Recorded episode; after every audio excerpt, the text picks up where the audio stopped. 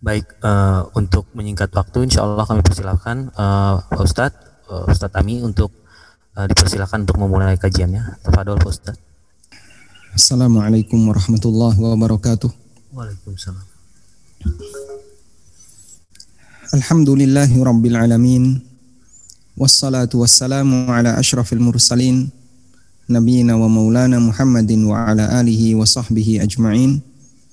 Wa ashhadu an la ilaha illallah wahdahu la syarikalah wa ashhadu anna Muhammadan abduhu wa rasuluhu sallallahu alaihi wa ala alihi wa sahbihi wa sallama tasliman katsira thumma amma ba'd. Alhamdulillah puji syukur kita haturkan kehadirat Allah Subhanahu wa taala. Di waktu sore ini Allah mempertemukan kita untuk belajar bersama. Semoga ini salah satu di antara tanda bahwa Allah Subhanahu wa taala menghendaki kebaikan bagi kita. Sebagaimana yang disebutkan dalam hadis dari Muawiyah bin Abi Sufyan radhiyallahu anhu, Rasulullah sallallahu alaihi wasallam bersabda, "May yuridillahu bihi khairan yufaqihu fid din." Barang siapa yang Allah kehendaki untuk jadi orang yang baik, maka Allah pahamkan dia dalam masalah agama. Muttafaq alaih hadis dari Bukhari Muslim. Karena itu Anda bisa melihat betapa jauh perbedaan karakter antara orang yang terbuka untuk belajar dengan orang yang menutup diri untuk belajar. Mereka yang terbuka mau menerima kebenaran, mau mendengar, untuk kemudian menimbang mana di antara informasi yang dia dapatkan dalam masalah agama itu yang terbaik dan yang lebih sesuai dengan dalil Al-Quran dan Sunnah. Itulah salah satu di antara ciri yang dipuji oleh Allah dalam Al-Quran, alladzina yastami'una al-qawla wa yattabi'una ahsana. Mereka adalah orang-orang yang mendengarkan al-qaul, mendengarkan orang memberikan informasi tentang agama, mendengarkan tausiah, mendengarkan ceramah, wa yattabi'una ahsana, kemudian dia mengambil yang terbaik. Artinya yang sesuai dengan Al-Quran dan Sunnah. Sehingga ketika Allah Subhanahu wa taala memberikan kita semangat untuk belajar. Mau belajar kalau tidak bisa secara offline, alhamdulillah kita masih bisa manfaatkan waktu secara online. Semoga dengan keberadaan semangat ini salah satu di antara bukti bahwa Allah Subhanahu wa taala hendak menghendaki kebaikan bagi kita.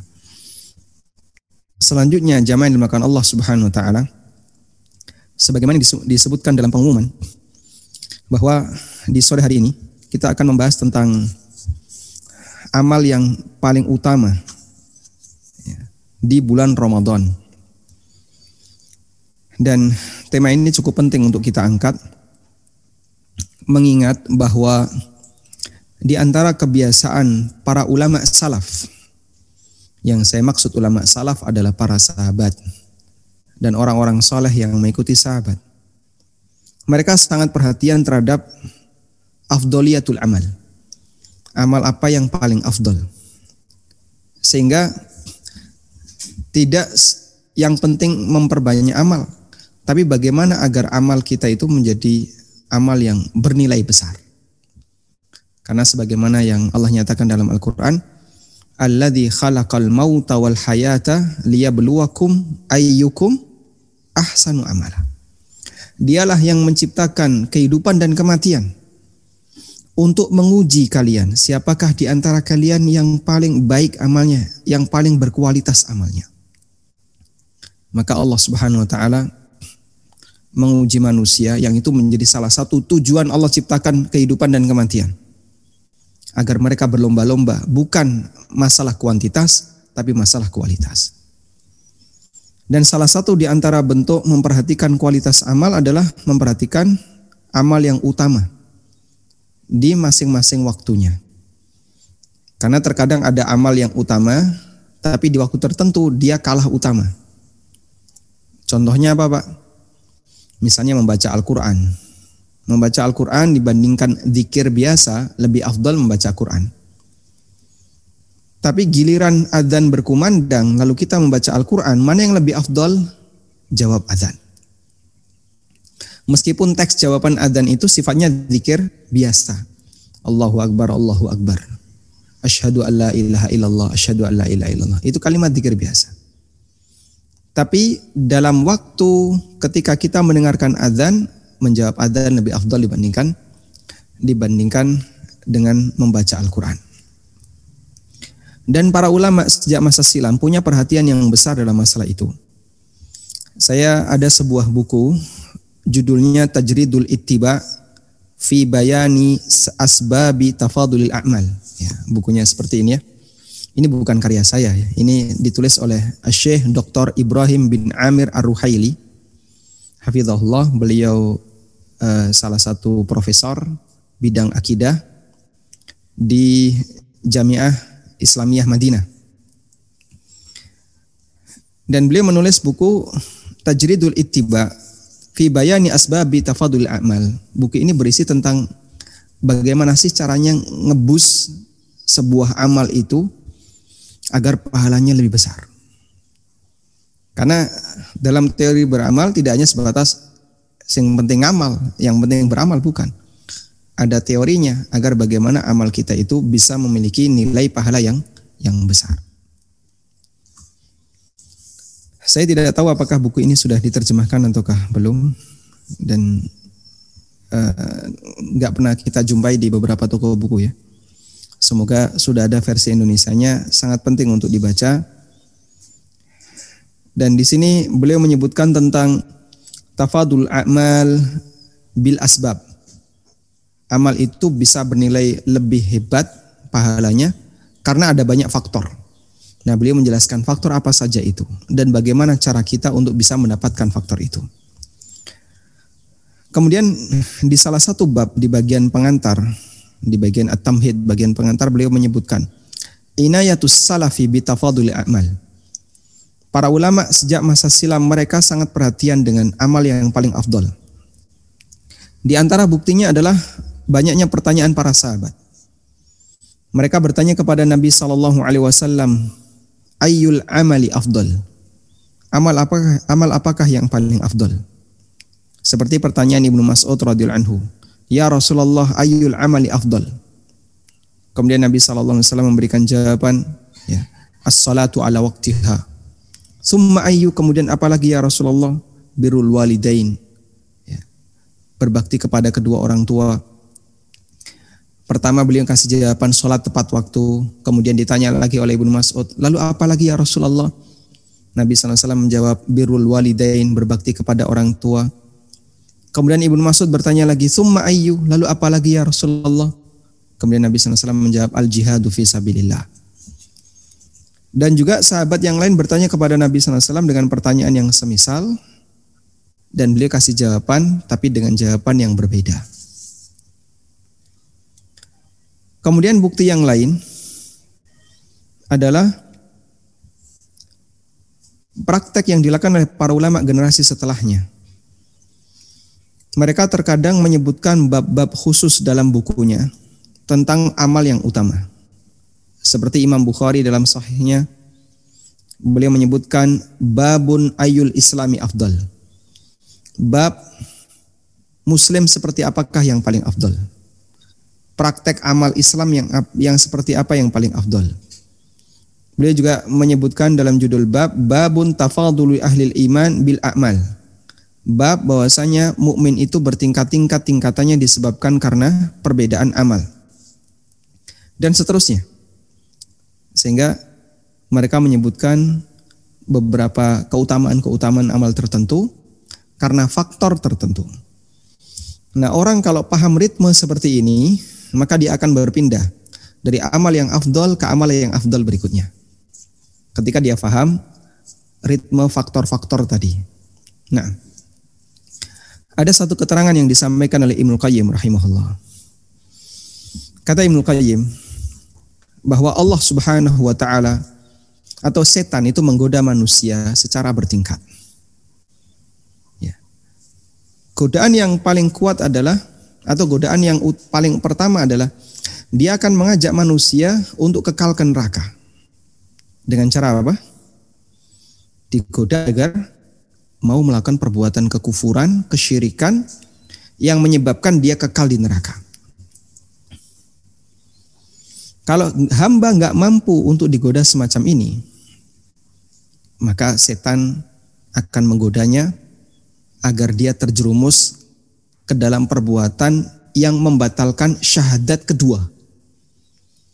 Kalau syahadat yang pertama adalah tauhid, sehingga dengan ini orang tidak atau terhindar dari kekufuran. Syahadat yang kedua adalah penyimpangan dari status Nabi SAW sebagai Rasul. Bentuknya gimana? Dia melakukan berbagai macam amalan yang tidak disyariatkan oleh Nabi SAW.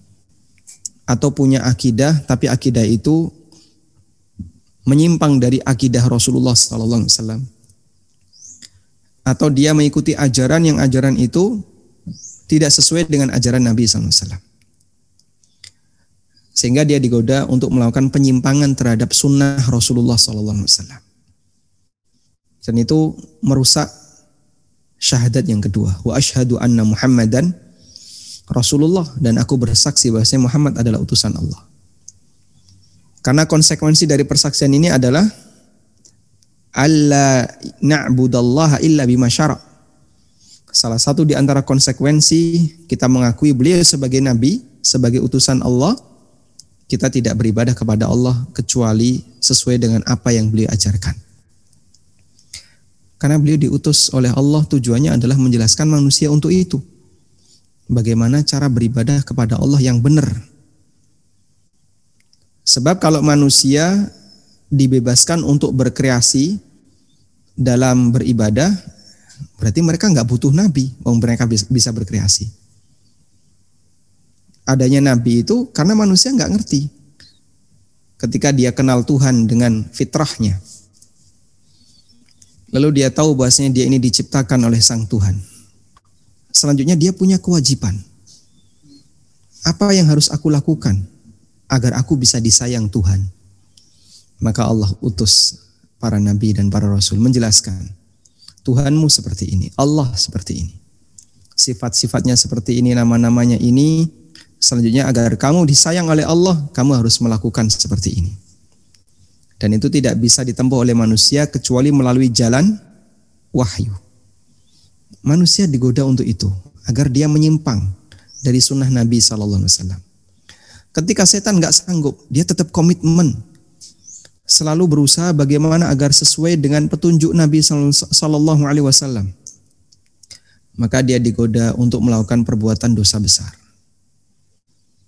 Nah, ketika nggak mampu lagi, wah, masya Allah, dia ini orangnya rajin beribadah, susah untuk diajak melakukan dosa besar. Maka dia diajak untuk melakukan dosa kecil. Ketika nggak mampu, setan mengajak dia untuk melakukan hal yang makruh, biar dia sibuk dengan yang makruh. Ketika nggak sanggup, nggak mampu, setan menggoda dia agar dia sibuk dengan perkara yang mubah sehingga meninggalkan yang sunnah.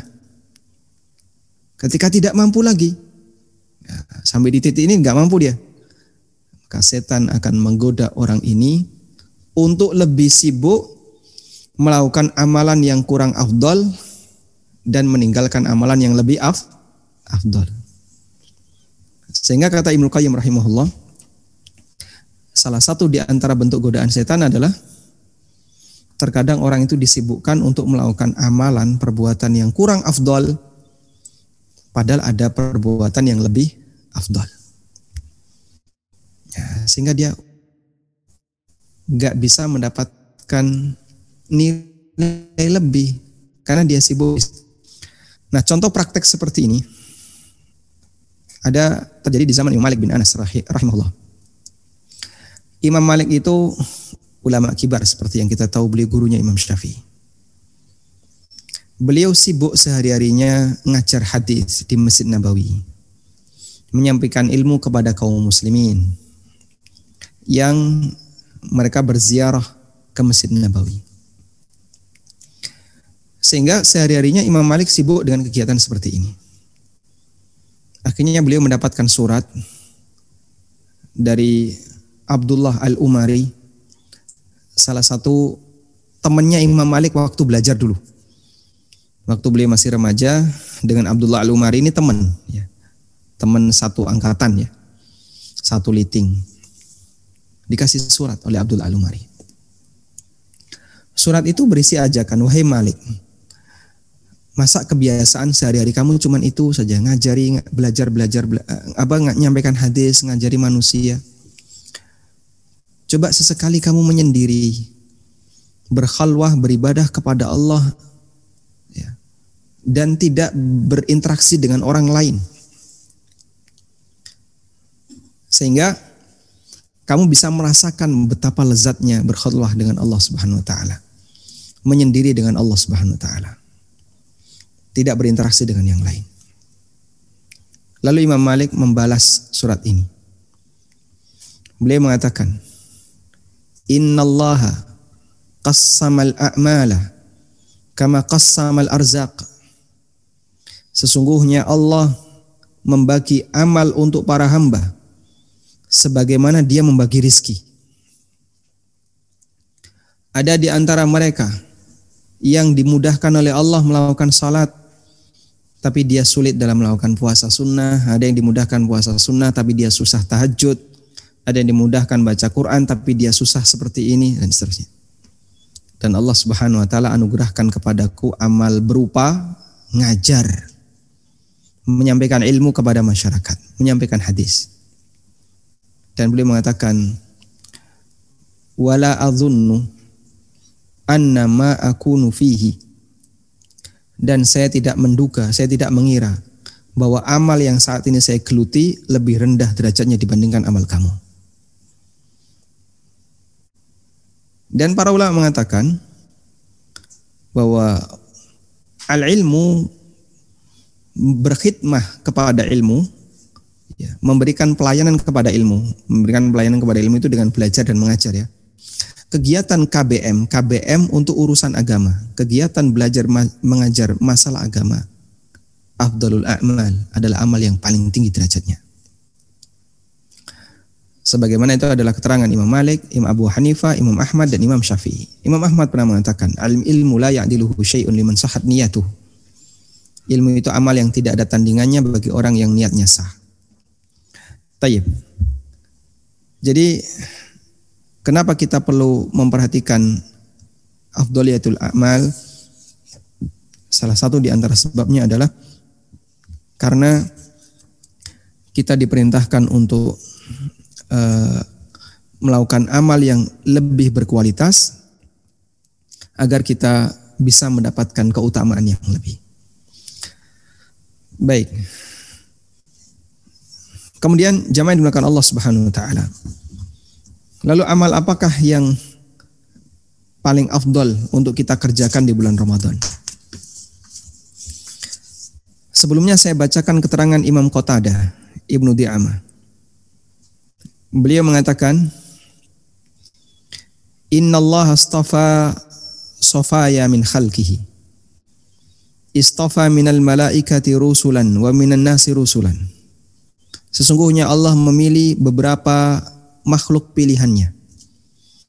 Allah pilih malaikat untuk jadi rasul dan Allah pilih manusia ada yang jadi rasul.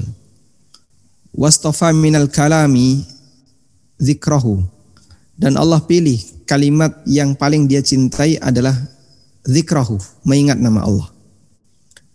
Sehingga kalimat manusia itu banyak dan yang paling dekat dengan Allah adalah mengingat nama Allah Subhanahu wa taala. Wastafa minal ardi al masajidah. Allah pilih di antara permukaan bumi ini yang paling dia cintai adalah masjid. Wastafa syuhuri Ramadan wal ashurul hurum dan Allah pilih di antara bulan dalam setahun yang utama adalah bulan Ramadan dan bulan-bulan haram. Wastafa minal ayyami yaumal jum'ah dan Allah pilih hari yang istimewa adalah hari Jumat. Wastafa minal layali lailatul qadar dan Allah pilih malam yang istimewa adalah Lailatul Qadar. Baik. Wa rabbuka yakhluqu ma yasha'u wa yakhtar. Rabbmu menciptakan apa saja yang dia kehendaki dan dia memilih apa saja yang dia kehendaki. Nah, sehingga bagian dari bentuk mengagungkan Allah adalah mengagungkan makhluk yang dipilih oleh Allah. Sebagaimana bagian dari mencintai Allah adalah mencintai hamba yang dicintai oleh Allah. Makanya bagian dari doa Nabi SAW, Allahumma inni as'aluka hubbaka wa hubba man yuhibbuka wal amal alladhi yuballighu hubbak. Ya Allah, aku mohon cintamu dan aku mohon wa hubba man yuhibbuka dan aku mohon agar aku bisa mencintai makhluk yang mencintaimu. Karena ada orang yang membenci orang yang dia membenci orang yang dicintai oleh Allah membenci ulama misalnya. Dia membenci orang soleh, dia membenci orang yang komitmen dengan sunnah dibenci. Ya. Sampai pada puncaknya membenci muslim dan itu bahaya. Karena membenci orang yang dicintai oleh Allah salah satu di antara bentuk perbuatan bahaya. Nabi SAW pernah mengatakan, "Authaku ural iman, al-hubbu fillah wal bughdu fillah." Ikatan iman yang paling kuat adalah cinta karena Allah dan benci karena Allah. Baik. Sehingga bagian dari bentuk mengagungkan Allah adalah mengagungkan yang dipilih oleh Allah. Seperti kita mengagungkan bulan Ramadan, mengagungkan bulan-bulan haram, mengagungkan Lailatul Qadar. Dan bentuk pengagungan itu kita lakukan dengan cara apa? melakukan amal di bulan itu sesuai dengan apa yang disyariatkan di dalamnya. Ya, misalnya ketika uh, bulan Dhul Hijjah, apalah amal apa yang disyariatkan di bulan Dhul Hijjah? Nah, berkurban pada saat tanggal berapa? 10 Dhul Hijjah. Amal apa lagi? Uh, misalnya berpuasa ketika hari Arafah kemudian takbiran dan bagi mereka yang dapat kesempatan melaksanakan haji, dia berhaji. Dan amal-amal yang afdol sesuai dengan bulan itu. Nanti di Muharram ada amal lagi, di bulan yang lain ada amal lagi, di Ramadan ada amal. Yaitu amal di bulan Ramadan yang disyariatkan oleh Allah adalah berpuasa, memperbanyak membaca Al-Qur'an dan bersedekah. Allah Subhanahu wa taala berfirman, bahwa bulan Ramadan adalah bulan Quran. Di surat Al-Baqarah ayat 185, Syahrul Ramadan alladzi unzila fihil Quran. Hudal nasi wa bayyinatin minal huda wal furqan. Bulan Ramadan, bulan diturunkan Al-Quran di sana.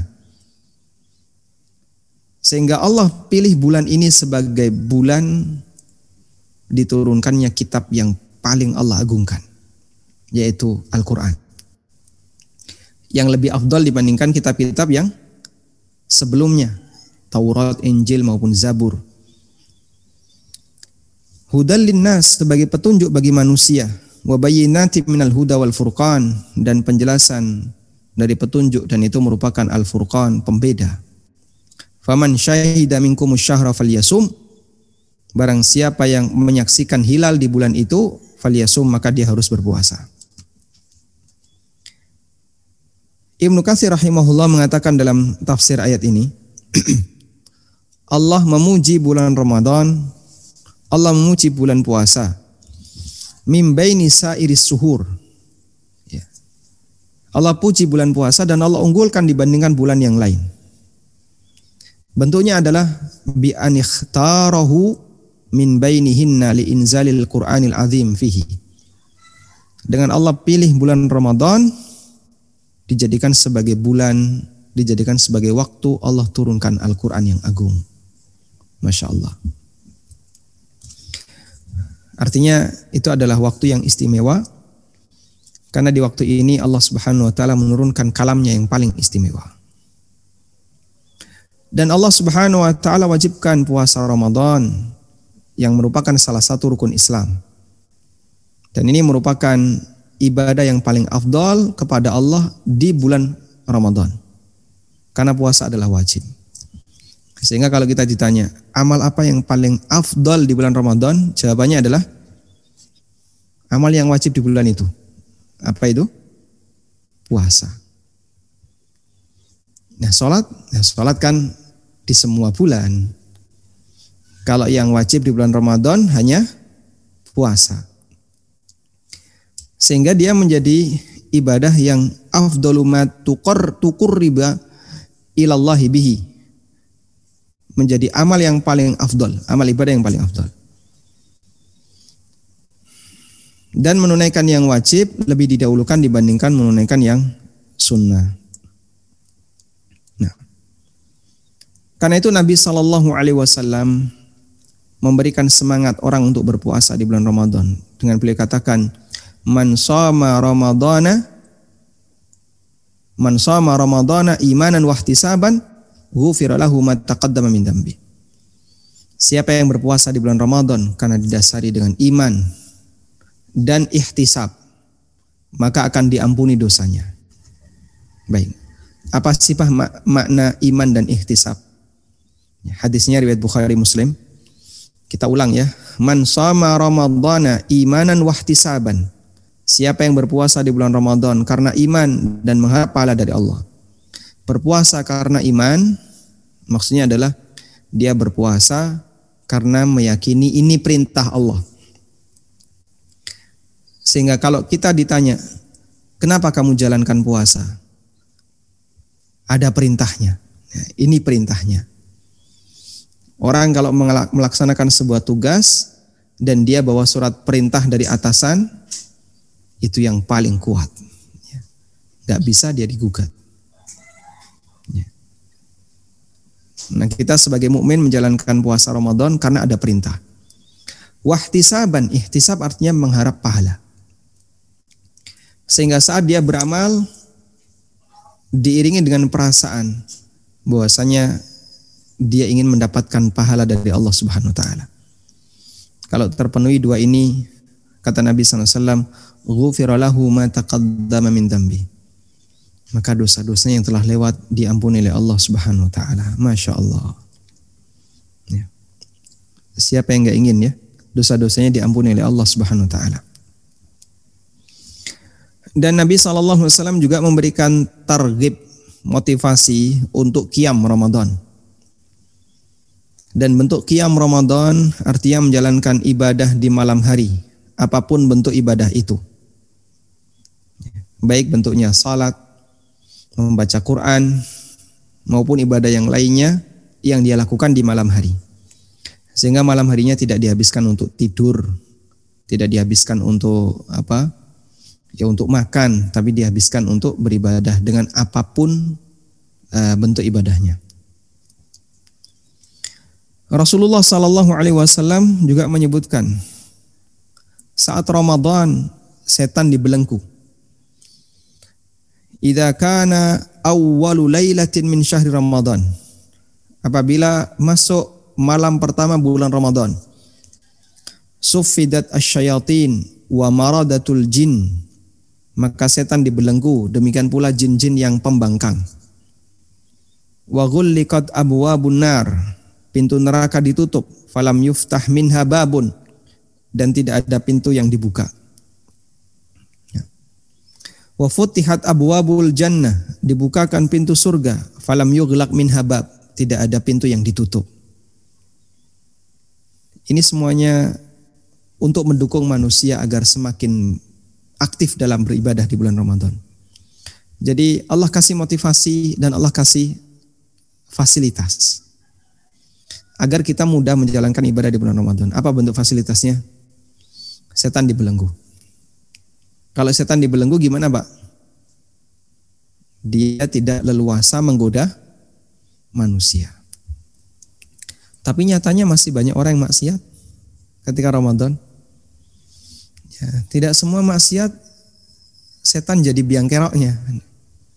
Bisa jadi memang orangnya hobi maksiat. Sehingga kadang orang bermaksiat jangan cuma nyalain setan. Kamu kenapa maksiat? Nah, itu gara-gara setan.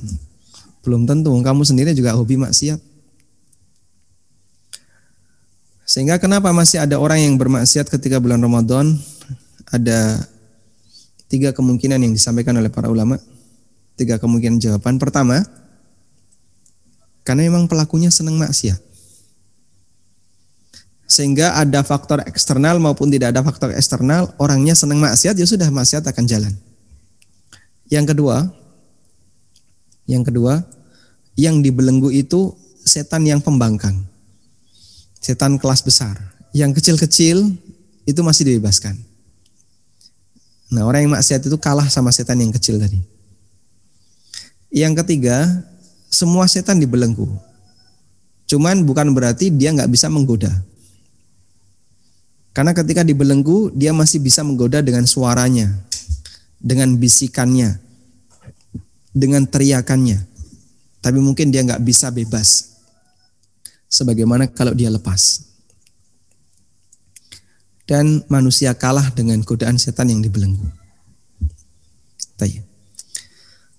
Pintu neraka ditutup sehingga kalau ada orang yang berbuat maksiat, ini mengisyaratkan orang yang berbuat maksiat ketika itu dikasih kesempatan oleh Allah. Segera bertobat agar maksiatmu tidak mengantarkan kamu ke neraka. Karena pintu neraka sekarang ditutup. Ya. Sehingga dengan itu dia sadar kalau dia sedang berbuat maksiat lalu dia bertobat. Pintu surga semuanya dibuka, mengisyaratkan bahwa setiap amal yang dilakukan oleh hamba berpeluang besar mengantarkan dia ke ke surga. Makanya pintu neraka ditutup, memberi kesempatan manusia, ibaratnya begini ya. Kalau ada orang berbuat salah, Pak, khusus malam Idul Fitri, semua lampu merah boleh diterobos. Lalu gimana? Artinya kamu dikasih jalan khusus, nanti akan dipandu oleh uh, aparat, nanti boleh lampu merah itu semuanya dijadikan dijadikan apa uh, one way gitu ya satu arah. Sehingga yang kanan kiri semuanya ditutup. Kalau ada potensi salah tidak akan ditilang. Tapi jangan melakukan itu berlebihan sehingga orang ketika melakukan perbuatan maksiat diingat pintu neraka ditutup ini kalau saya biarkan tidak saya tobati sampai akhir Ramadan mengantarkan ke neraka.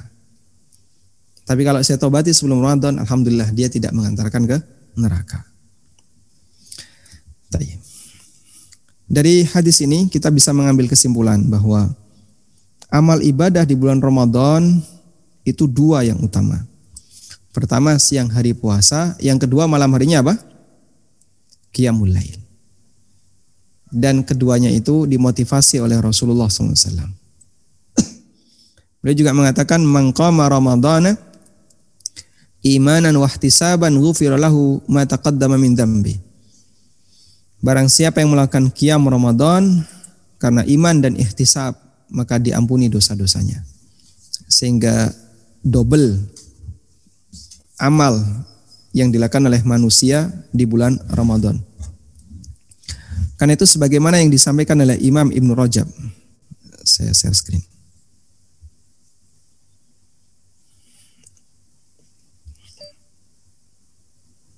Ya. Amal Ramadan Amal Ramadan Baina siyam Wal qiyam Ini siang hari ini malam, Masya Allah. Sehingga tidak ada bulan yang mengajak manusia untuk banyak beribadah kepada Allah selain Ramadan. Siangnya full ibadah dalam bentuk puasa. Puasa itu kan full satu siang ya, nggak ada yang bolong sama sekali. Dari mulai subuh sampai maghrib semuanya puasa, nggak ada yang bolong ya. Kalau sholat kan ada bolongnya ya. Sholat subuh, selesai subuh kan nggak sholat orang. Masih ada bolong, ada waktu bolong maksudnya. Kalau puasa satu paket, tidak ada waktu bolong. Puasa penuh, tidak ada waktu bolong. Dari mulai subuh sampai maghrib. Nggak ada waktu bolong, penuh. Lalu malam sampai subuh. Nah, di sini disyariatkan untuk kiam. Kalau ini seragam semua yang puasa sama, penuh. Nggak ada yang bolong, seragam. Cuman yang membedakan masalah kualitas. Ada yang puasanya berkualitas, sehingga puasanya sangat besar nilai pahalanya. Dan ada yang nggak berkualitas karena isinya maksiat, sehingga puasanya hanya menggugurkan kewajiban tapi tidak bisa menjadi kafaroh dosa. Nah kemudian perlombaan yang kedua adalah di sini, di kiam. Di kiam ini, di bagian kiam ini, ada yang mengisinya banyak, ada yang mengisinya sedikit. Orang yang minimalis ketika beribadah, maka mungkin dia ketika beribadah yang diisi cuma sedikit. Yang diisi cuma sedikit. Misalnya dia di sini maghrib sholat ya, kemudian masuk isya, terus teraweh sampai di sini sudah. Teraweh plus, plus tadarus. Tidur nah, sampai subuh, sampai sahur, dia makan sahur. Nah, ini kosong. Tapi bagi mereka yang rajin ibadah, dia pun isi ini. Bagaimana caranya agar ini juga terisi ibadah. Makanya perbedaan kuantitas isi Ramadan seseorang tergantung dari seberapa kuat dia menghidupkan malamnya untuk beribadah. Ya. Sehingga dia yang hidupkan kiam Ramadan untuk beribadah, semakin banyak, semakin besar nilai keutamaan sehingga porsi di sini penuh Pak di arsir. Baik, karena itu coba kita lihat bagaimana praktek orang di masa silam ketika malam hari Ramadan. Ya. Praktek orang di masa silam ketika malam hari Ramadan. Nabi Shallallahu Alaihi Wasallam beliau bersungguh-sungguh ketika mencari Lailatul Qadar. Ini salah satu di antara contoh praktek bahwa ketika Ramadan orang disyariatkan untuk mencari malam mulia ini. Taharrau lailatal qadari fil witri minal ashri al awakhir min Ramadan. Carilah Lailatul Qadar di malam-malam ganjil 10 terakhir Ramadan. Dalam riwayat yang lain fil ashril awakhir di 10 malam terakhir Ramadan. Dan para sahabat juga melakukan hal yang sama. Lalu mereka beristihad bersungguh-sungguh untuk melakukan kiam Ramadan dengan melaksanakan sholat raweh dan kiamul lail. Sekarang kita akan lihat bagaimana bentuk sholatul lail yang mereka lakukan.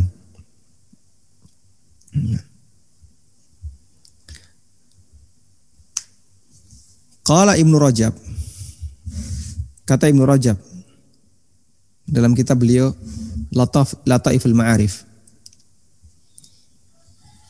Wa kana Umar radhiyallahu anhu qad amara Ubay bin Ka'ab wa Tamim Ad-Dari. Umar memerintahkan Ubay bin Ka'ab, sahabat Ubay bin Ka'ab dan sahabat Tamim Ad-Dari radhiyallahu anhuma ayyakuma bin nasi fi syahri Ramadan untuk ngimami salat malam para sahabat di malam Ramadan Fakanal qari maka imam ketika itu yaqra'u bil mi'ataini fi rak'atin. Mereka membaca 200 ayat dalam satu rakaat. 200 ayat ya. 200 ayat dalam satu rakaat. Fi rak'atin dalam satu rakaat. Masya Allah. Sudah? Al-Baqarah berapa ayat? 286. Satu rakaat baca 200 ayat. Berarti berapa itu? Dua per tiga Al-Baqarah. Masya Allah. Coba. Terus seperti apa yang terjadi? Hatta ya'tamiduna alal asa min tulil qiyam. Sampai mereka ketika sholat itu sambil nyender tongkat. Saking lamanya berdiri. Sehingga dia megangi tongkat ini sambil sholat. Wa ma kanu yansarifuna illa indal fajri dan mereka selesai itu ketika mepet subuh. Subhanallah. Baik. Padahal berapa rokaat yang mereka lakukan ini? Sebagian riwayat menyebutkan bahwa terawih yang dilakukan oleh Umar Ibn Khattab radhiyallahu anhu 13 rokaat. Tapi satu rokaat berapa tadi? Satu rokaat dua juz. Iya kan? Dua per tiga Al-Baqarah kan dua juz. Ya. Coba juz yang kedua itu sampai ayat berapa ya? Juz yang kedua. Juz yang kedua uh, dari surat Al-Baqarah itu sampai ayat 142. Juz yang kedua. Masuk juz yang ketiga sampai ayat 250. Kalau 200 ayat berarti ya kurang lebih uh, satu setengah juz atau hampir dua juz ya. Sebanyak 13 dalam satu rakaat. Masya Allah. Thumma kana fi zaman tabi'in. Kemudian di zaman tabi'in. Mereka membaca surat Al-Baqarah fi qiyami Ramadan ketika qiyam Ramadan fi samani rakaatin dibagi dalam delapan rakaat. Satu surat dibagi dalam delapan rakaat. Fa in qara'aha biha fi thnatai asyrata rakaatan ra'au annahu qad khuffifa. Kalau satu surat Al-Baqarah dibagi dalam 12 rakaat, berarti menurut mereka sholatnya agak cepat, sholatnya lebih ringan. Ya. Masya Allah ya. Kita kalau sudah dengar terawih di masjid itu gimana? Yang dibaca satu juz, itu udah ketakutan. Kita udah ketakutan. Padahal apa? Dulu para sahabat bacanya satu rakaat satu setengah juz. Yang ini kan sebelas rakaat satu juz. Nah, sehingga kualitas qiyamul lail kita tidak sebagaimana mereka. Dan ini ibadah yang paling afdal di bulan Ramadan selain yang wajib yaitu puasanya. Nah, selanjutnya coba kita lihat praktek yang dilakukan oleh para ulama.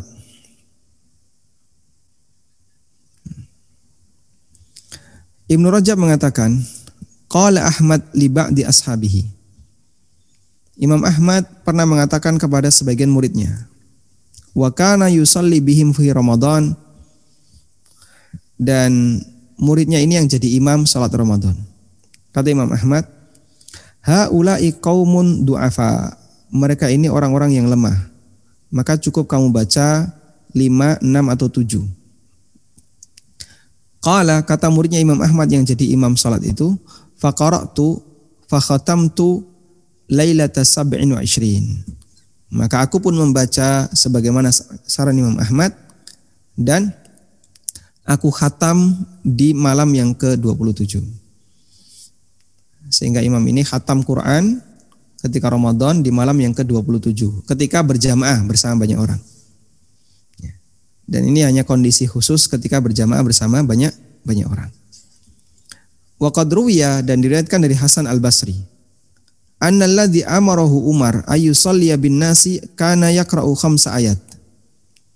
Imam yang ditunjuk oleh Umar bin Abdul Aziz, khalifah ketika itu, beliau diperintahkan agar ngimami salat dan baca lima ayat atau enam ayat. Ya. Sehingga dari sini kata Imam Ibnu Rajab, wa kalamu al-imami Ahmad. Keterangan Imam Ahmad, ya dulu menunjukkan bahwa dalam membaca Al-Quran ketika sholat jamaah harus mempertimbangkan kondisi makmum, halal makmumin, agar tidak memberatkan mereka. Ya. Kemudian kita akan lihat bagaimana praktek e, generasi setelahnya.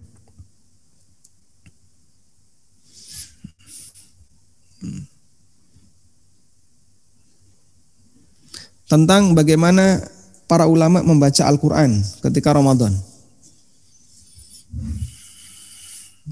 Qala al-Imam Ibn Rajab, kata Ibn Rajab. Wa kana ba'du salafi yakhtimu fi qiyami Ramadan fi kulli salasi layalin. Sebagian ulama salaf mereka menghatamkan bacaan Al-Quran setiap tiga malam. Dan itu dilakukan sambil kiam, sambil sholat malam. Sehingga sholat malam hari ini dapat 10 juz. Sholat malam besok dapat 10 juz. Sambil sholat jamaah. Sholat malam besoknya dapat 10 juz. Khatam. Besok lagi, balik lagi. Selama tiga hari. Wa ba'duhum fi kulli sab'in. Ada juga yang hatam dalam tujuh hari. Di antaranya Qatadah, Ibnu Di'amah, ulama tabi'in. Wa ba'duhum fi kulli ashrah dan ada yang hatam 10 hari dipakai salat malam. Di antaranya adalah Abu Roja Al-Ataridi. Ini daftar orang-orang yang menghatamkan Quran sambil sholat. Wa kana salaf yatluna al-Quran fi syahri Ramadan fi shalah wa ghairiha. Dan dulu para ulama mereka membaca Al-Quran baik dalam salat maupun di luar salat ketika bulan Ramadan. Al-Aswad membaca Quran di setiap dua malam Ramadan, hatam. Dua malam hatam. An-Nakhai juga melakukan hal yang sama di 10 hari terakhir, dua malam hatam. Ya. Hanya di 10 malam terakhir kalau prakteknya An-Nakhai. Sementara untuk di 20 malam sebelumnya beliau menghatamkan dalam tiga hari. Kotada menghatamkan dalam sepekan, ya. terus seperti itu beliau rutin. Dan ketika bulan Ramadan, Kotada menghatamkan dalam tiga hari. Ya. Dan dalam 10 hari yang terakhir, Kotada menghatamkan Al-Quran dalam waktu satu hari.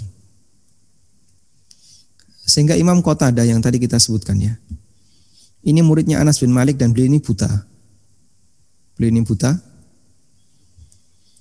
Beliau kebiasaan rutinnya tujuh hari khatam di selain Ramadan. Masuk Ramadan per tiga hari khatam. Sepuluh hari terakhir Ramadan per satu hari khatam. Subhanallah. Kita lanjutkan. Yang lebih hebat lagi. Wa kan li syafi'i fi Ramadana situna khatmatan yaqra'uha fi ghairi salah. Imam Syafi'i ketika Ramadan khatam 60 kali.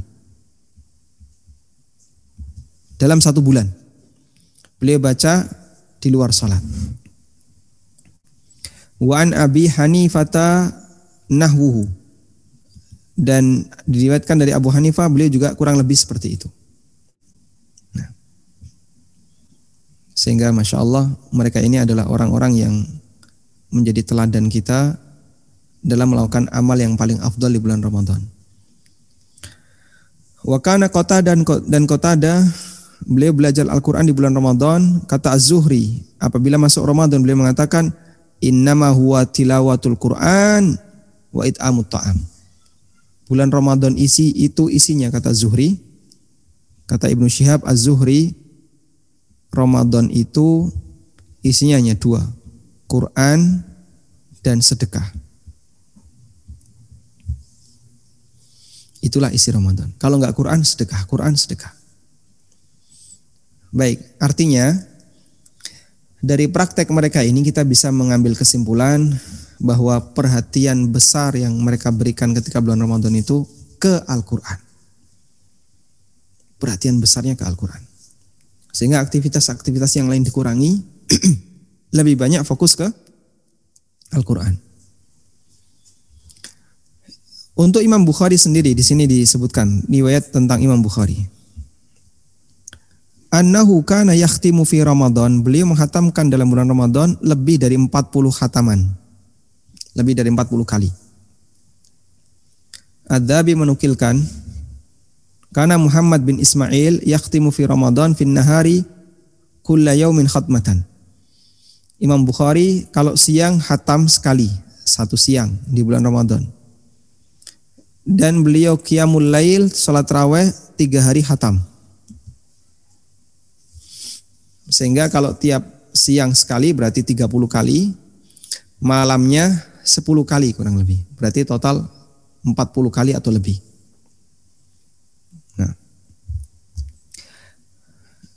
Padahal beliau adalah orang-orang yang sibuk dalam uh, belajar agama. Tapi ketika Ramadan, kegiatan itu dilepas sementara, lalu mereka berkhidmat untuk Quran. Nah, cuman kalau kebiasaan kita berbeda ya, Ramadan malah banyak kajian ya. Yaitu hanya memanfaatkan waktu karena biasanya orang mau mendekat kepada masjid pas bulan Ramadan sehingga dimanfaatkan untuk waktu berdakwah. Padahal idealnya Ramadan itu seharusnya lebih banyak baca Al-Qur'an. Wallahu taala alam. Tayyib. Ini amal yang utama. Jadi amal utama ketika Ramadan adalah siam dan kiam tadi ya. Siam puasa perlombaan kita adalah sejauh mana puasa kita menjadi puasa yang berkualitas. Jangan nodai puasa kita dengan maksiat.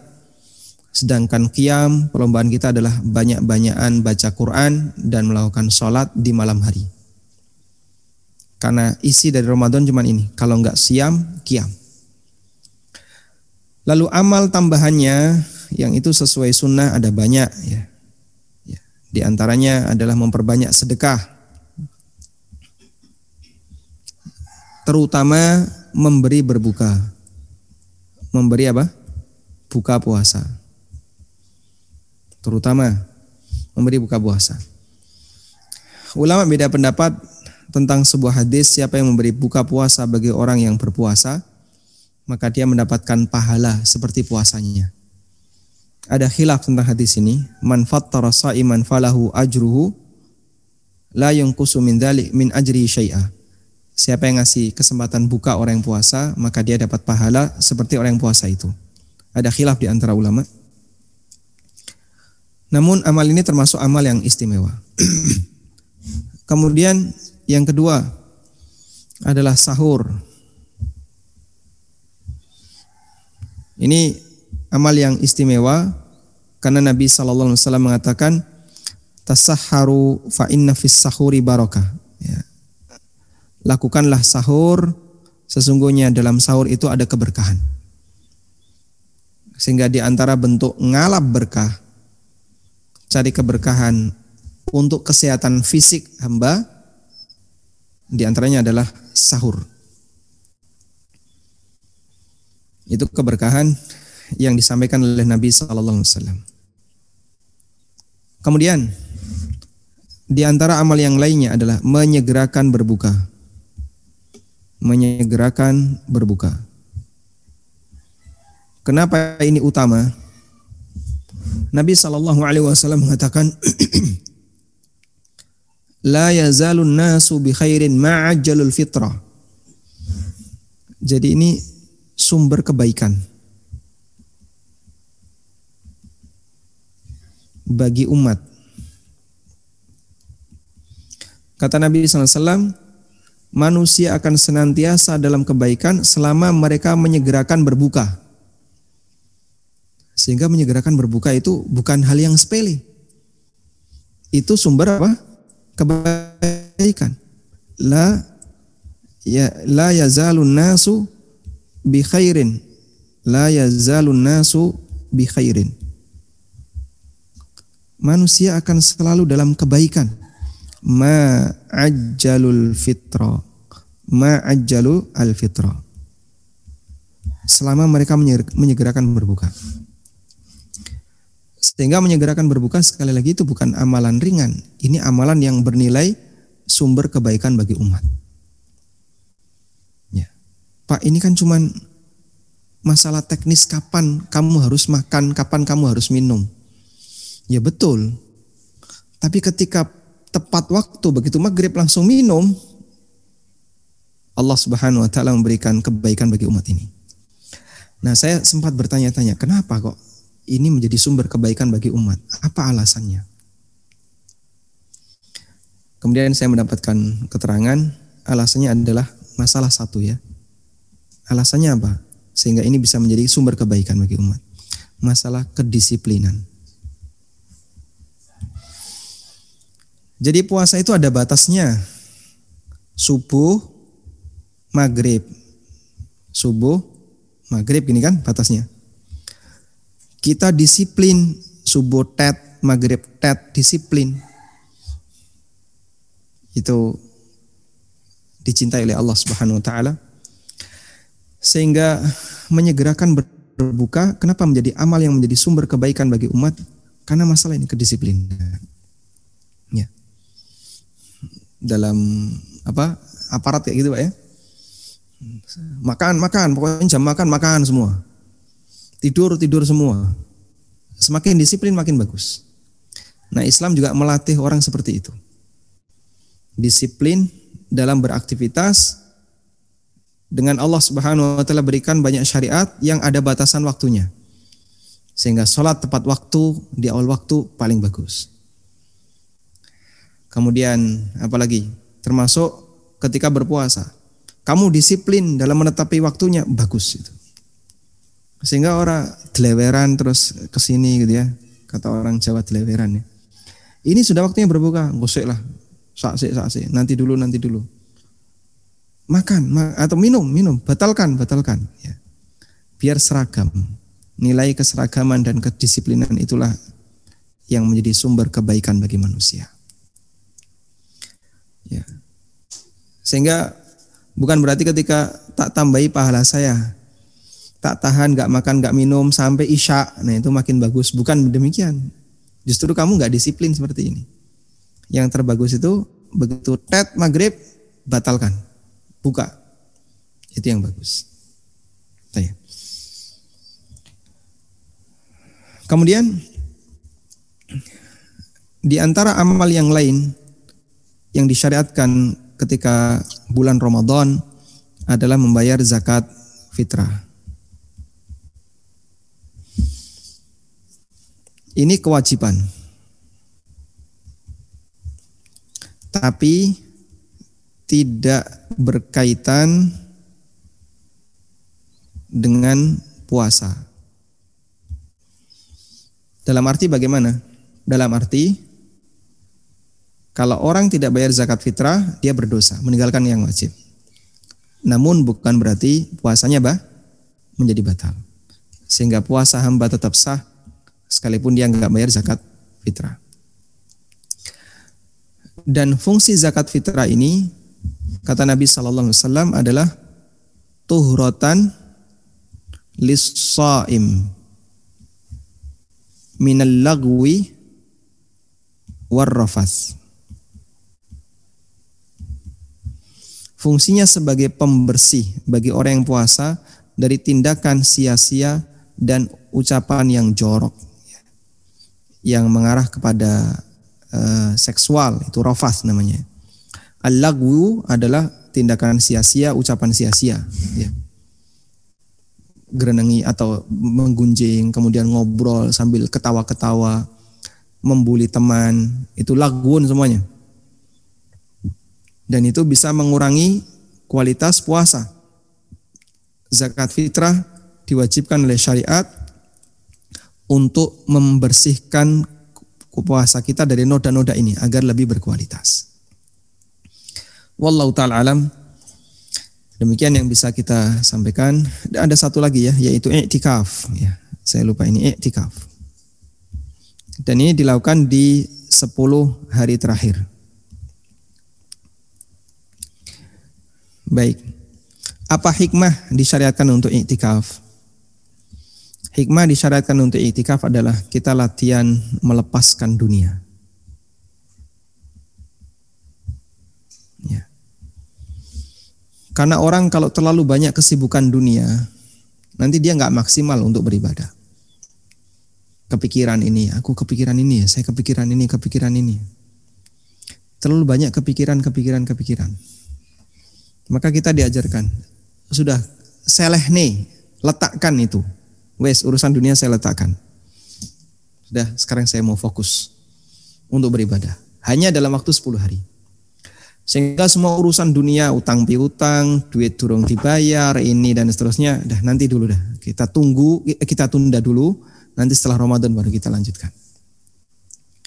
Latihan melepaskan semua kesibukan dunia. Makanya kalau ada orang iktikaf tapi ini jalan terus, ini ngapain mbak? ini remote bisnis. Aduh. Sudah Pak, nggak usah itikaf aja. Pak. Percuma kan gitu ya. Dia itikaf tapi WA, nonton YouTube, nanti sama temen yang ngobrol, aduh percuma kamu itikaf.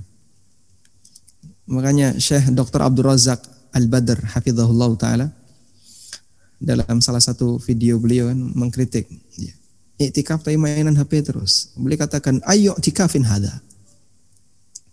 Ayo iktikafin hada. Ini iktikaf cap opo ini. Iktikaf model apa yang kayak gini nih? Ya.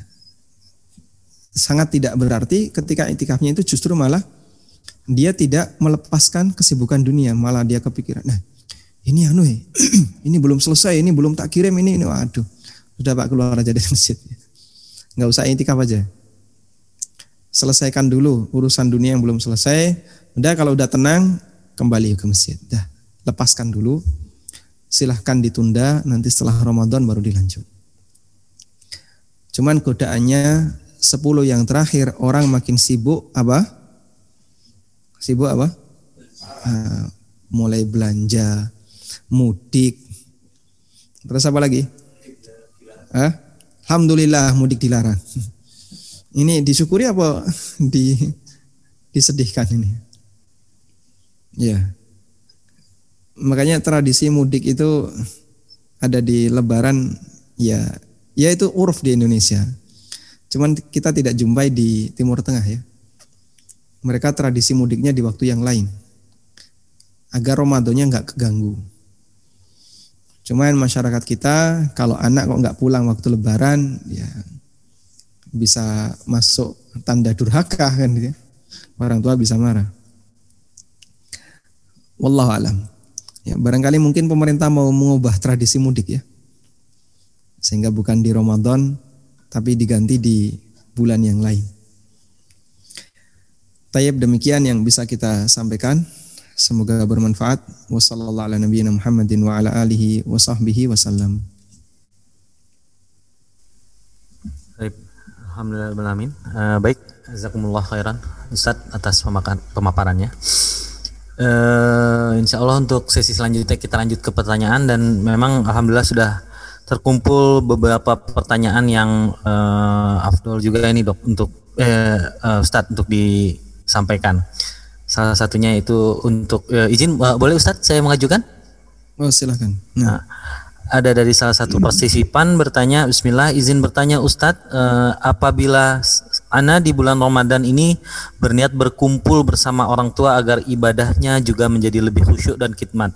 Lalu semisalnya kemudian di celah ibadah tersebut sedikit terganggu, misalnya orang tua terutama di akhir Ramadan sibuk menyiapkan makanan-makanan untuk menyambut lebaran seperti membuat kue atau masakan seperti itu Ustaz. Bagaimanakah sikap anak sebagai anak yang sepatutnya paling afdol? Apakah tetap birrul walidain yaitu mengikuti hajat orang tua uh, yang mungkin pasti akan mengurangi waktu saya untuk beribadah karena sibuk dengan urusan rumah dan dapur atau ataukah anak tetap menjalani ibadah hanya dengan membantu sekedarnya itu mungkin Ustaz, uh, pertanyaan yang pertama Ustaz. Ya. Jika orang tua bisa diajak kompromi dengan baik ya. Sehingga Anda sampaikan uzur yang saat itu Anda miliki yaitu ingin fokus dan ingin memperbanyak ibadah. Lalu orang tua memberikan toleransi ya serapopo tak kerja no dewe misalnya. Ya, ya silahkan biar nanti ibu yang ngerjakan sendiri. Dan tidak ada apa kekecewaan dari orang tua apa pun insya Allah tidak masalah. Sehingga anda izin dulu nanti bantunya ala kadarnya ya, agar anda bisa menghatamkan Quran dalam jumlah yang banyak tadi tapi kalau orang tua berharap karena mungkin beliau sudah lemah dan ingin lebaran itu dibuat meriah dan berharap Anda ikut bantu ya kalau bisa uh, apa ikut bantu orang tua daripada nanti ada masalah dengan beliau. Nah. Ya, baik, baik. Uh, yang kedua uh, Pak Ustadz, uh, jika di setiap bulan Ramadan ada suatu grup yang uh, melakukan pengajian secara bersama-sama berupa one day one juice dan setiap per, uh, peserta mengupdate sesudah jus berapa setiap harinya. Tujuannya untuk saling kita memotivasi agar bisa menghatamkan Al-Quran minimal eh, sekali di bulan Ramadan. Menurut eh, pendapat Ustadz, apakah hal ini dibolehkan? Nah, ada kaidah ya, yang kaidah ini ma'ruf di kalangan para ulama. yusmahu inda tadris wa ta'allum ma la yusmahu fi ghairiha. Dalam konteks pembelajaran ada sesuatu yang ditoleransi. Yang itu tidak berlaku jika itu di luar kegiatan pembelajaran. Karena itu sah-sah saja jika dalam kegiatan belajar ya. Ini baru baru proses belajar. Kemudian orang melakukan model tadi laporan. Kita di sekolah juga seperti itu ya. Kamu besok store jus ini, store jus ini. Kamu dapat jus berapa? Kamu sudah dapat jus berapa? Hafalannya sudah berapa? Di sekolah kan kita storan dan kita laporkan. Tapi itu dalam proses pembelajaran. Karena kalau nggak kayak gitu, nanti evaluasinya bingung. Guru nggak bisa melakukan evaluasi. Kemudian anak jadi tidak terarah. Pokoknya hafalan kalian silakan dirahasiakan semuanya. Karena memamerkan amal dosa, ya, ria. Nah terus gimana evaluasinya? Kalau kemudian praktek seperti itu nggak boleh ditunjukkan. Kadang anak-anak kita latih. Kemudian kita kasih semacam buku Ramadan ya. Kita kasih buku Ramadan, nanti dicentang duha centang apalagi Eh, ikut traweh centang sedekah dikasih kotak ceng, kencelengan itu ya nanti centang sedekah seribu atau dua ribu centang dia melaporkan dalam rangka untuk pembiasaan baik sehingga ini tujuannya untuk pembelajaran karena itu di grup tadi jika memang tujuannya untuk pembelajaran silahkan bukan termasuk wah ini kan riak jadinya Nah, kalau itu riak berarti sekolah itu juga riak semua. Anak pondok itu kan pasti ada buku setoran. Target sekian, nanti sampai jus sekian. Dan kita tidak menyebut itu riak. Ini tujuannya pembelajaran. Namun kalau sudah tidak perlu seperti itu, ya, kalau ti- tidak perlu seperti itu, ya maka nggak perlu ada laporan. Tapi bagi mereka yang eh, belum terbiasa dengan baca Quran satu juz sehari, sehingga perlu ada pemaksaan ya, biar ada faktor pembelajaran dibuatlah satu grup tadi ya odoj atau awatch one week one juice. One day, one juice. ada yang one day one juice. Silahkan diperbolehkan kemudian target amal seperti ini boleh nggak pak sih? Satu hari satu jus Nabi SAW kan tidak menarget. Yang penting pokoknya banyak gitu ya. baik. Target amal seperti ini jika tujuannya untuk dijadikan sebagai hizab hizab itu amal rutin pribadi masing-masing. Itu yang dipraktikkan oleh para sahabat. Abu Hurairah radhiallahu anhu membaca subhanallah wa bihamdi dalam sehari 3000 kali. Subhanallah. Bukan subhanallah wa bihamdi baca tasbih. Beliau membaca tasbih dalam sehari 3000 kali. Dan itu beliau ceritakan dalam sehari saya baca tasbih sekian. Dan itu jadi wirid, jadi hizab beliau. Sehingga orang mentarget amal itu sah-sah saja. Dulu para ulama ketika menghatamkan Quran beliau juga target. Pokoknya saya harus sekian juz sehari. Itu pakai target. Nah target itu bisa pakai laporan agar dia termotivasi, bisa juga tanpa laporan. Intinya jika memang tujuannya adalah dalam rangka pembelajaran, tafadhol insya Allah tidak masalah tidak ada pelanggaran di sana dari sisi syar'i insya Allah. Tapi kalau sudah terbiasa ya tidak perlu dilaporkan. Wallahu alam. Baik, baik dok. Eh, Pak Ustadz ada sebuah pertanyaan. Bagaimana tarawihnya wanita? Tetap afdolkah bila tarawih sendirian di rumah? Eh, mengenali sebuah ibadah yang afdol itu melihat banyak faktor ya. Saya kasih contoh. Sholat sunnah rawatib itu yang paling afdol di mana? Di rumah. Tapi ada orang yang ketika sampai rumah, Pak, saya kalau sudah sampai rumah, biasanya perjalanan pulang jaraknya kurang lebih 2 kilo dari masjid, mesti ngentut. Kalau sudah ngentut, malas wudhu dia. Malas wudhu akhirnya sholat sunnahnya nggak dikerjain. Ada yang ah saya kalau sudah sampai rumah ketemu anak pasti langsung diajak main. Ya, entah ya minta ada yang minta gendong, ada yang lompat-lompat ke atas kepala, ada yang megangi kaki, ada yang nyeret-nyeret baju. Atau kalau sudah sampai rumah begitu masuk dapur, wah dah langsung tertarik sama makanan, nggak jadi sholat. Berarti ada banyak faktor yang membuat dia terhalangi sholat. Karena apa? Karena mau sholat di rumah. Nah orang seperti ini, baik bapak daripada nanti sampai rumah bapak malah nggak sholat, sebaiknya kerjakan aja di masjid. Amankan sholat rawatib itu. Silakan kerjakan di masjid. Sehingga bagi orang ini bisa jadi sholat rawatibnya lebih afdol di rumah, eh, di masjid daripada di rumah. Karena tadi ada banyak faktor yang bisa membuat dia gagal melaksanakan sholat rawatib. Wanita juga seperti itu. Yang lebih afdol di mana? Di masjid atau di rumah? Hukum asalnya di rumah lebih afdol. Jangankan sholat terawih, sholat wajib saja bagi wanita lebih afdal di di rumah, apalagi yang sunnah. Namun kalau di rumah ternyata ketika sholat terawih baru dapat dua rakaat ngantuk, nggak ada temennya, ya. ngantuk, nggak kuat dia tidur akhirnya. Wah daripada seperti ini, mending kamu ke masjid dan sholat terawihnya tetap semangat, bahkan bisa khusyuk karena mendengarkan bacaan imam yang bagus. Ya, silahkan. Sehingga melihat faktor. Kalau beliau bisa sholat taraweh dengan maksimal di rumah, silahkan sholat taraweh di rumah. Insya Allah lebih afdal. Tapi kalau sholat taraweh di rumah ngantuk pak bawaannya. Kadang empat rakaat udah ngantuk, ya angop angop ya, menguap terus. Akhirnya empat rakaat ngantuk langsung tiga rakaat. Jadinya cuma delap, uh, cuman berapa? Uh, tujuh tujuh sudah selesai witir, salam, dah terakhir tidur. Ini kalau kamu kerjakan di masjid mungkin bisa dapat sebelas. Wallahu a'lam. Uh, selanjutnya Pak Ustadz, ini mengenai uh, Lailatul Qadar. Bismillah izin bertanya, apakah kalau kita melakukan ibadah tahajud tiap malam, maka akan mendapatkan Lailatul Qadar? Yang mau Anda tanyakan, apakah kalau Anda bersedekah tiap malam juga akan mendapatkan Lailatul Qadar? Terima kasih. Ada orang yang bertanya kepada Ibnu Mas'ud radhiyallahu anhu. Jadi, kapankah Lailatul Qadar itu turun? Apakah di bulan Ramadan saja ataukah mungkin untuk turun di bulan-bulan yang lain?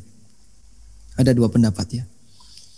Ada yang mengatakan Lailatul Qadar tidak hanya turun di bulan Ramadan. Lailatul Qadar cuma satu dalam waktu satu tahun. Cuman waktu turunnya tidak hanya di bulan Ramadan, bisa di bulan Syawal, bisa Dzul Qa'dah, Dzul Hijjah. Pokoknya Allah turunkan di salah satu malam sepanjang satu tahun. Kapan itu wallahu alam, tidak hanya di bulan Ramadan, tidak terbatas di Ramadan. Dan pendapat ini riwayat Ibnu Mas'ud. Dalam hadis riwayat Ibnu Mas, uh, riwayat Abu Dawud Ibnu Mas'ud pernah ditanya tentang kapan Lailatul Qadar. Lalu beliau mengatakan mayyakumil haula yusibha. Mayyakumil haula yusibha. Siapa yang bangun tiap malam pasti dapat. Maksudnya adalah dia tiap hari nggak pernah absen tahajud. Pasti dapat. Dan itu mengisyaratkan kalau Lailatul Qadar bisa saja turun di malam-malam yang lain selain Ramadan. Pendapat yang kedua, dan ini pendapat yang lebih kuat ya. Pendapat jamahir ulama. Lailatul Qadar hanya ada di Ramadan. Hanya ada di Ramadan. Dan karena itu dicari di malam Ramadan. Bagaimana cara mencarinya? Siapa pun yang beramal di malam itu dia dapat apa pun bentuk amalnya. Sehingga kalau ada orang yang mendapatkan Lailatul Qadar tapi minimalis ya. Hanya ngerjakan yang wajib saja. Ibadah yang wajib malam hari itu apa? Ibadah yang wajib malam hari. Maghrib. Udah? Isya. Ya. Dia hanya kerjakan yang wajib ini saja. Anggap ini Lailatul Qadar, ini Lailatul Qadar. Subuh sudah nggak Lailatul Qadar lagi. Ya. Salamun hiya hatta matla'il fajr. Malam itu adalah malam keselamatan sampai terbit fajar. Begitu subuh udah selesai. Lailatul Qadar sudah berlalu. Terus dia melakukan amal di sini ya. Sahur. Ada orang sholat maghrib, makan, isya, pulang, tidur, sahur, bangun, sahur. Terus tidur lagi, subuh bangun, sholat subuh, tidur lagi. Misalnya seperti itu. Berarti dia dapat nggak Lailatul Qadar di malam itu? Dapat. Dia dapat pahala maghrib, dapat pahala isya, dapat pahala sahur. Dapat tiga pahala ini. Tapi kalau di malam itu dia pakai di sini ada sedekah, di sini ada baca Quran, di sini ada sholat, di sini ada apa lagi misalnya? Dia uh, beramal yang lain ya, baca Quran lagi atau zikir, maka wilayah yang diarsir ini akan menjadi tambahan pahala baginya, yang ini nilainya lebih baik daripada seribu bulan. Tapi kalau cuma tiga ini ya, dia dapat pahala maghrib, isya, sahur, yang pahala itu lebih baik dari seribu bulan untuk kegiatan itu. Sehingga kalau kita perbanyak daerah yang diarsir ini, maka dia mendapatkan pahala baca Quran di malam itu yang lebih baik daripada apa? Seribu bulan untuk amal itu dan seterusnya. Sehingga insya Allah semua muslim yang beramal di malam itu dapat Lailatul Qadar. Wallahu a'lam. Baik, jazakallah Ustadz. Uh, untuk selanjutnya, Ustadz, uh, salah satu ibadah uh, di bulan Ramadan yang tadi Abdul adalah membaca Al-Quran. Bagaimanakah sebaiknya ibadah ini dilakukan? Apakah secara kuantitas jumlah surat yang berhasil kita katamkan, ataukah kualitas dalam hal pemahaman, pembacaan secara tartil? Mohon pencerahan ya Ustadz. Jazakallah. Nah, betul sekali pertanyaan ini sangat mengena ya. Jadi memang ulama beda pendapat tentang di Ramadan itu yang lebih bagus memahami isi Quran ataukah memperbanyak bacaannya, memperbanyak tilawahnya. Dan jumhur ulama mengatakan yang paling bagus adalah memperbanyak tilawah. Meskipun kurang perenungan. Makanya Imam Syafi'i tadi ya 60 kali. Ya, sehingga siang sekali, malam sekali, siang sekali, malam sekali. Dan itu bacanya cepat. Coba kita baca Quran satu juz berapa lama? Satu jam. Berarti kalau 12 jam kan maksimal kalau nggak tidur dalam waktu semalam ya. Maksimal cuma dapat 10 juz atau 12 juz maksimal. Padahal kan nggak mungkin kita nggak tidur. Terus gimana beliau bisa khatam? Berarti beliau baca satu juz kurang dari setengah jam. Kurang dari setengah jam. Nah itu gimana Pak? Coba Anda dengerin bacaan Qurannya Syekh Surem. Syekh Surem itu satu juz uh, kurang lebih 25 menit. Cepat ya. Atau ini yang juga cepat uh, Syekh Awad Al-Juhani. Imam Masjidil Haram yang masih muda itu. Itu juga cepat. Ya. itu kurang lebih 25 menit. Satu juz berarti kurang dari itu. Bisa nggak 20 menit? Ya. Itulah yang dimaksud dengan membaca Quran dengan metode sardun. Asart ya. jadi dia hanya baca lurus cepat. Ya. Alhamdulillahirabbil alamin arrahmanir rahim. Maliki iyyaka na'budu wa Alif Lam Mim fihi hudan lil muttaqin alladzina yu'minuna bil ghaibi wa yuqimuna as-salata wa mimma razaqnahum yunfiqun. Cepat. Dan model baca seperti itu diperbolehkan untuk kasus tertentu. Dari sini kita bisa mengambil pelajaran bahwasanya ulama ketika baca Quran bulan Ramadan itu kuantitasnya yang dikedepankan. Ya, kuantitasnya yang dikedepankan meskipun bisa jadi kurang perenungan tapi tidak sampai meninggalkan yang wajib yaitu tidak sampai melanggar tajwid, panjang pendeknya, kemudian idhar ikhfa'nya tidak sampai dilanggar. Wallahu alam. Syukran jazakallah. Uh, ada satu lagi nih Ustaz. Hmm, mohon izin bertanya untuk uh, berhubungan terhadap tradisi Ustaz. Di kita ada tradisi saling bermaaf-maafan terutama sebelum Ramadan datang. Uh, apakah sebenarnya hal ini ada di zaman Rasulullah dahulu, Pak? Mungkin atau Pak ada komentar terhadap ini, Pak? Baik. Apakah ada tradisi berma bermaaf-maafan sebelum Ramadan di zaman Nabi SAW? Kami tidak pernah menjumpai dalil tentang itu. Cuman saya menemukan sebuah broadcast WA ya yang sangat ma'ruf dan barangkali Bapak Ibu juga sudah dapat itu.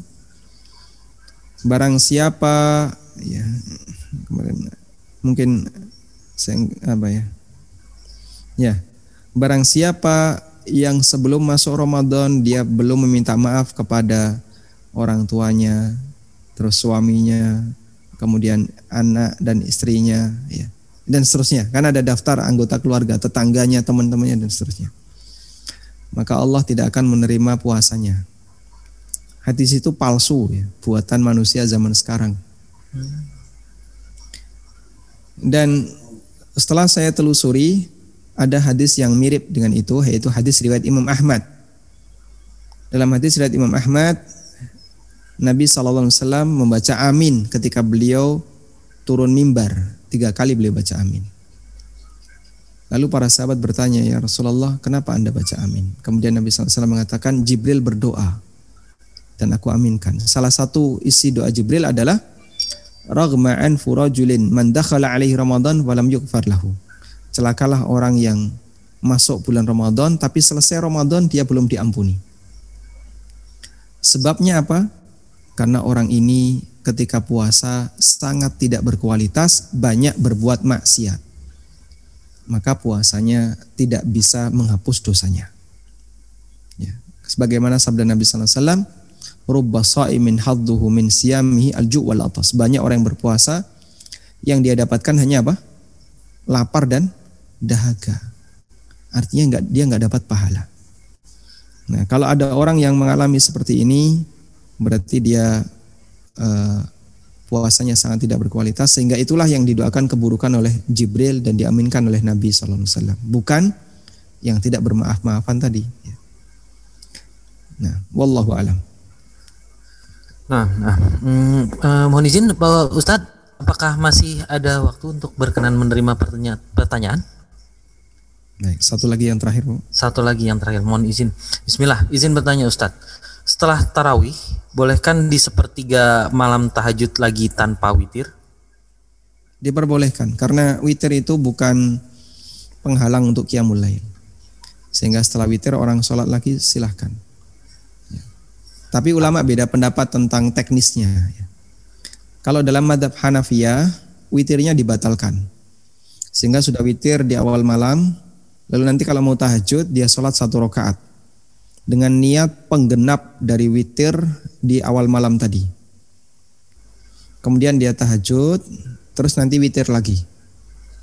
Ini madhab Hanafiyah. Kalau jumhur mereka mengatakan nggak perlu penggenapan ini, langsung sholat apa? Langsung sholat tahajud semampu dia dan nanti tidak perlu witir lagi. Karena tidak boleh ada witir dalam ada dua witir dalam waktu satu satu malam. La witrani fi laila. Sehingga cukup sholat dua rakaat dua rakaat sesuai yang mampu dia kerjakan. Dan pendapat jumhur jauh lebih kuat. Karena kalau kita pakai pendapat Hanafiyah jadinya tiga kali witir kan. Awal malam witir penggenap dan witir di ujung malam. Wallahu alam. Baik, alhamdulillah jazakallah khairan. Baik. Terima kasih Pak Ustadz atas segala pemaparan materi dan penjelasan akan pertanyaan-pertanyaan yang telah diajukan. Namun mengingat keterbatasan waktu, maka sampailah kita pada penghujung acara kajian sahabat ilmu Darmais kali ini. Sekali lagi sebagai informasi buat teman-teman yang ingin menyampaikan uh, ke rekan-rekannya bahwa kajian online pada hari ini dapat disimak kembali di YouTube channel dan podcast channel sahabat ilmu Darmais. Mungkin untuk uh, mengakhiri kegiatan ada baiknya kita uh, berdoa ditutup dengan doa kafaratul majlis. Subhanakallahumma wa bihamdika asyhadu alla ilaha illa anta astaghfiruka wa atubu ilaik. ارجعي إلى ربك راضية مرضية فادخلي في عبادي وادخلي جنتي